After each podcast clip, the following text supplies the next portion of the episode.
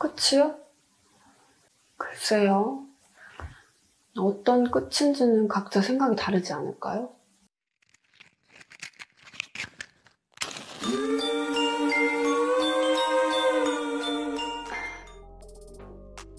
Merhaba arkadaşlar, hepiniz kanalıma bir kez daha hoş geldiniz. Ben Merve Albayrak.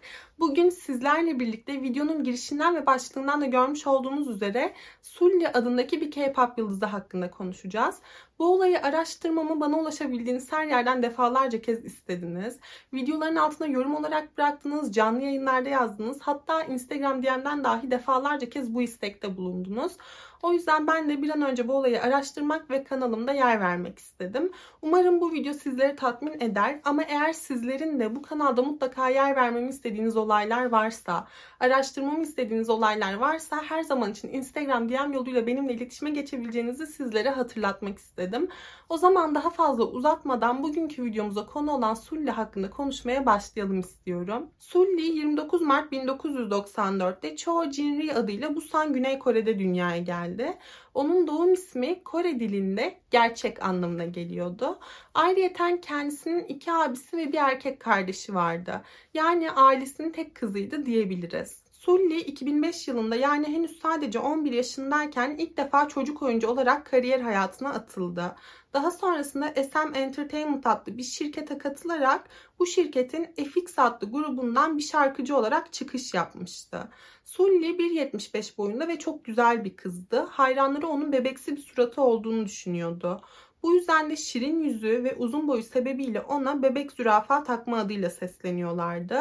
Ve bilindiği üzere genç kız bu lakaptan şikayetçi de sayılmazdı. Daha sonrasında kariyer hayatı boyunca oyunculuk, şarkıcılık ve modellik yapmaya devam etti. Ama çıkış yaptığı andan itibaren sürekli olarak kötü yorumların ve eleştirilerin hedefi haline gelmeye devam ediyordu. İnsanların eleştirileri onun için dayanılmaz bir noktaya geldiğinde bu durumdan dolayı duygusal ve psikolojik olarak yıpranmaya başladı. Ve şirketi 24 Temmuz 2014 tarihinde Sully'nin etkinlik ve projelerine ara verdiğini duyurdu. Verdiği aradan bir yıl sonra Ağustos 2015 tarihinde ise Sully'nin grup üyeliğinin de sonlandırıldığı duyuruldu. Şirket buna sebep olarak Sully'nin artık oyunculuk alanında ilerlemek istediğini ve kariyerini oyunculuğa göre şekillendirmek istediğini söyledi. Sully zaten gruptan ayrıldığı duyurulduktan sonra bazı dizi ve filmlerde boy göstermeye başlamıştı. Bu yüzden de insanlar özellikle fanları ve sevenleri onun gerçekten de böyle sahnelerden birazcık uzaklaşmak istediğini ve oyunculuk üzerine yeni bir kariyer yaratmak istediğini düşünmeye başladılar. Yani bu durumu aslında yadırgamamışlardı. 19 Ağustos 2014 tarihinde ise Sully'nin şirketi Sully ve Dynamic Duo grubundan Choiza'nın Eylül 2013'ten beri ilişkileri olduğunu onayladı. Yani genç kız mutlu bir ilişkinin içerisindeymiş gibi görünüyordu. Dahası katıldığı bir TV programında anne olmadan hayatını kaybetmek istemediğini de dile getirmişti. Yani her şey Sully için sorunsuz görünüyordu. Sahnelerden uzaklaşmak ona iyi gelmiş olabilirdi. Fakat bu dönemde hiç beklenmedik bir şey oldu. Sully 14 Ekim 2019'da Seongnam Güney Kore'deki evinde henüz sadece 25 yaşındayken hayatını kaybetmiş bir şekilde bulundu. O gün yani Sully'nin hayatını kaybettiği gün menajeri defalarca kez genç kıza ulaşmaya çalışmıştı. Fakat Sully'ye hiçbir şekilde ulaşamaması üzerine onun evine gitmişti ve Sully'nin kendisini asarak hayatına son verdiğini görmüştü. Bunun üzerine tabii ki de bu durum hemen polislere intikal etti ve polisler olay yerine geldiklerinde yaptıkları ilk inceleme sonucunda Sully'nin kendi hayatına kıydığını ilan ettiler. Dahası ev ve Sully'nin vücudu incelendiğinde yani böyle göze çarpan hiçbir garip detay bulamamışlardı. Eve zorla girildiğine dair hiçbir kanıt yoktu. Sully'nin vücudunda veya evin içinde herhangi bir yerlerde herhangi bir boğuşma izi veya böyle karşı koyma izi yoktu. Her şey son derece temiz ve net görünüyordu. Belli ki Sully kendi kendisinin hayatına kıymıştı. Peki neden böyle bir şey yapmıştı? Hayatını kaybettiğinde henüz sadece 25 yaşlarındaydı. Yani genç bir kızdı, hayalleri olan bir kızdı. Yolunda giden bir kariyeri ve ilişkisi varmış gibi görünüyordu. Peki onu hayatını kıyma noktasına getiren şey neydi? İşte asıl mesele buydu. Sully'nin uzun bir zamandır hayatında yolunda gitmeyen tek şeyin sosyal medya üzerinden yediği linçler olduğu çevresindeki insanlar tarafından biliniyordu. Özellikle Sully bu linçlerden dolayı ciddi bir depresyonla mücadele ediyordu ve günün büyük bir kısmında keyifsiz ve huzursuz hissediyordu. Sully'nin en çok linç yemesine sebep olan şeylerden biri de onun feminist bir yanı olmasıydı. Sully benim bedenim benim kararım fikrinin en aktif savunucularından biriydi ve son zamanlarda sütyen takmamayı tercih ettiği için sosyal medyada defalarca kez linç edilmişti. Yani insanlar birinin giydiği veya giymediği çamaşıra kadar karışma hakkını ve haddini kendilerine nasıl bulabiliyorlar bilmiyorum ama Sully bu yüzden ciddi derecede eleştirilerin hedefi haline gelmişti. Onu doğrudan ahlaksız olmakla suçlayan bir kesim bile vardı. Sully son zamanlarda bu yorumlardan ve eleştirilerden o kadar rahatsız olmaya başlamıştı ki menajeri aracılığıyla şirketinden bu yorumların önüne geçilmesini istedi. Yani bir şekilde bu yorumları yapan insanlar bulunabilirdi, bir yaptırım uygulanabilirdi ve bu yorumların önüne geçilebilirdi. Fakat şirketi bu yorumların asılsız hesaplardan yapıldığını, bu yüzden de sessizliklerini korumalarının en doğrusu olduğunu düşündüler. Yani bu yorumları yapan insanlara hiçbir yaptırım uygulanmadı ve dolaylı olarak şirket sanatçısını korumak yerine bu yorumların önünü açmış oldu ve bu yorumları yapan insanları cesaretlendirmiş oldu. Yani evet genç kız üzerindeki baskıdan dolayı kendi hayatına kıymış gibi görünüyordu. Ama bu noktada sevenlerin aklına yatmayan bir takım detaylar ortaya çıkmaya başladı. Bunlardan en dikkat çekeni ise bazı fanların iddialarına göre Sully kendi hayatına son vermeden yaklaşık bir hafta kadar önce yüklü bir alışveriş yapmıştı. Bu alışverişin içerisinde kıyafetler ve gıda ürünleri de vardı. Yani insanlar kendi hayatına son vermek üzere olan bir insanın, o psikolojideki bir insanın neden bu kadar yüklü bir alışveriş yaptığını merak ediyorlardı. Tabii ki bu durum başka varsayımları da ortaya çıkardı. Birçok insan Sully'nin bu eleştirilerden ve kötü yorumlardan bıktığını ve böylesine yüklü bir alışveriş yaparak kendisini hayatını kaybetmiş gibi gösterip farklı bir yerde, farklı bir kimlikle yeni bir hayat yaşamak istemiş olabileceğini düşündüler. Yani aslına bakarsanız bir nevi Sully'nin bir yerlerde saklanmış olabileceğini düşündüler. Sully'nin hayatını kaybetmesinden sonra ailenin cenaze törenini basına kapalı bir şekilde gerçekleştirmesi de bu şüpheleri tetiklemeye devam etmişti. Fanların iddialarına göre aile üyeleri ve Sully'nin yakın arkadaşları basına sızdırılan görüntülerde üzgün görünmüyorlardı. Ancak ben bu görüntüleri incelediğimde böyle bir anlam çıkartamadım açıkçası. Belki de Sully'nin uzun bir zamandır depresyonda olduğunu bildikleri için bu durum onların beklediği bir şey de olabilirdi. Ve bu yüzden ekstra sakin olabilirler diye düşünüyorum. Ama yine de internetten bir grup insan Sully'nin bu olay hakkında daha öncelerinde kendilerine defalarca kez mesaj vermek istediğini iddia etmeye devam ettiler. Bu iddialara göre Sully kendilerine son çıkardığı klipte bu olayla ilgili bir takım mesajlar veriyordu. Eğer amacınız klipte mesaj aramaksa klibin başından itibaren birçok mesaj bulabilirsiniz. Eğer hatırlarsanız videonun başında bir kesit paylaşmıştım. Bu kesitte yine aynı klipten yani Sully'nin hayatını kaybetmeden önce son çıkartmış olduğu Goblin şarkısının klibinden bir kesit. Ve bu kesitte Sully bir odanın içerisinde oturmuş son derece huzursuz bir halde ve böyle kendi kendisine konuşuyormuş gibi bir şeyler söylüyor. Ve bu konuşmayı yaptığı odanın içerisinde büyük bir pencere var. Ve bu pencerenin öte tarafından da sanki Kore'ymiş gibi gözükmeyen bir yerin manzarası görünüyor. Yani bu da insanların şöyle bir teori oluşturmasına sebep oluyordu. Sanki Sully bu odanın içerisine saklanıyormuş gibi görünüyordu. Bu yüzden de insanlar onun Kore dışında bir yerlerde saklanıyor olabileceğini düşündüler. Yine bu klibin başlangıcında şöyle bir sahne var. Sully böyle bir şeyin içinde oturuyor ve 3 kişi onu çekiştiriyorlar. Bu da sanki Sully böyle bir tabutun içerisindeymiş gibi bir izlenim veriyor insanlara. Bu yüzden de birçok insan, birçok grup Sully'nin hayatını kaybetmesinde 3 kişinin büyük rolü olduğunu düşündüler. Bu 3 kişi Sully'nin menajeri, Sully'nin şirket CEO'su ve Sully'nin sevgilisi olabilirdi. Dahası Sully klibin devamında yine aynı şekilde bir kanepenin arkasına saklanıyor ve bu üç kişi de sanki onu arıyormuş gibi odanın içerisinde geziniyorlar. Yani gerçekten bütün bunlar göz önünde bulundurulduğu takdirde bu klip son derece tüyler ürpertici bir klip. Özellikle kendi hayatına kıymış bir insanın hayatına kıymadan hemen önce çekmiş olduğu son klip olması da izlerken insanı gerçekten son derece geriyor ve hüzünlendiriyor. Dahası Sully'nin Goblin adlı bu klibinde şöyle bir sahne vardı. Sully elinde bir kılıçla bulunduğu platformun ikinci katına çıkıyordu ve kapıyı tıklayıp içeriye girdiği esnada başka bir sahnede Sully uyanıyordu ve üzerinde böyle kırmızı kırmızı lekeler vardı.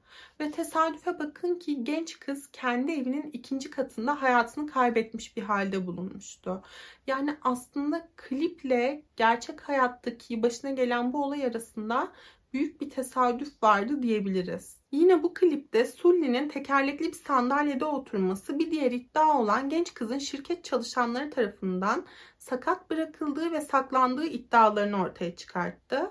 İnsanların iddialarına göre Sully'nin çalıştığı bu şirket tehlikeli ve sanatçılarına kötü muamelede bulunan bir şirketti. Ve yetkililer genç kızı son zamanlarda kontrol altında tutamadıkları ve ondan maksimum verimi alamadıkları için diğer sanatçılara ibret olması adına böyle bir şey yapmış olabilirlerdi. Ve yine aynı klipte yer alan şöyle bir sahne var ki Sully bir masanın başında oturuyor. Bunun da şirkete bir gönderme olduğu düşünülüyor açıkçası. Ve bu masada Sully dışındaki diğer insanlar gözlerini ve kulaklarını kapatarak sanki birbirleriyle selamlaşıyorlarmış gibi görünüyor. Ve bu da böyle sanki o masada o insanların hani görmemesi, duymaması gereken şeyler olduğu anlamına geliyormuş gibi bir izlenim veriyor insana. Fakat olaya bakın ki masada gözlerini ve kulaklarını kapatmayan tek insan Sully. Hatta elinde böyle bir fincanla oldukça sakin bir şekilde onları izliyor ve daha sonrasında da kameraya bakıyor. Yani sanki o masada görmemesi ve duymaması gereken şeylere karşı gözlerini ve kulaklarını kapatmayan tek insan Sully'ymiş gibi bir izlenim oluşuyor haliyle. Bu noktada Sully'nin şirketinin karanlık bir tarafı olduğunu düşünmeye başlayanlar oldu. Ve sadece bunu bu klipten yola çıkarak da düşünmüyorlardı. Sully bu şirketin hayatına kıymış olan tek sanatçısı değildi. Sully'den önce yine erkek bir idol aynı şekilde kendi evinde hayatını kaybetmiş bir halde bulunmuştu. Ve yine Sully'nin çalıştığı bu SM Entertainment adlı şirketin bir üyesiydi. Ve şöyle de bir şey var ki Sully hayatını kaybettikten sonra yine bu şirketin bir üyesi olan ve Sully'nin çok yakın arkadaşlarından biri olan Gohara adındaki bir şarkıcı internetten bir canlı yayın açtı. Bu canlı yayın aslında arkadaşı Sully'yi anma adına açılmış bir canlı yayında. Hatta hemen o canlı yayına da şöyle kısaca bir bakalım istiyorum.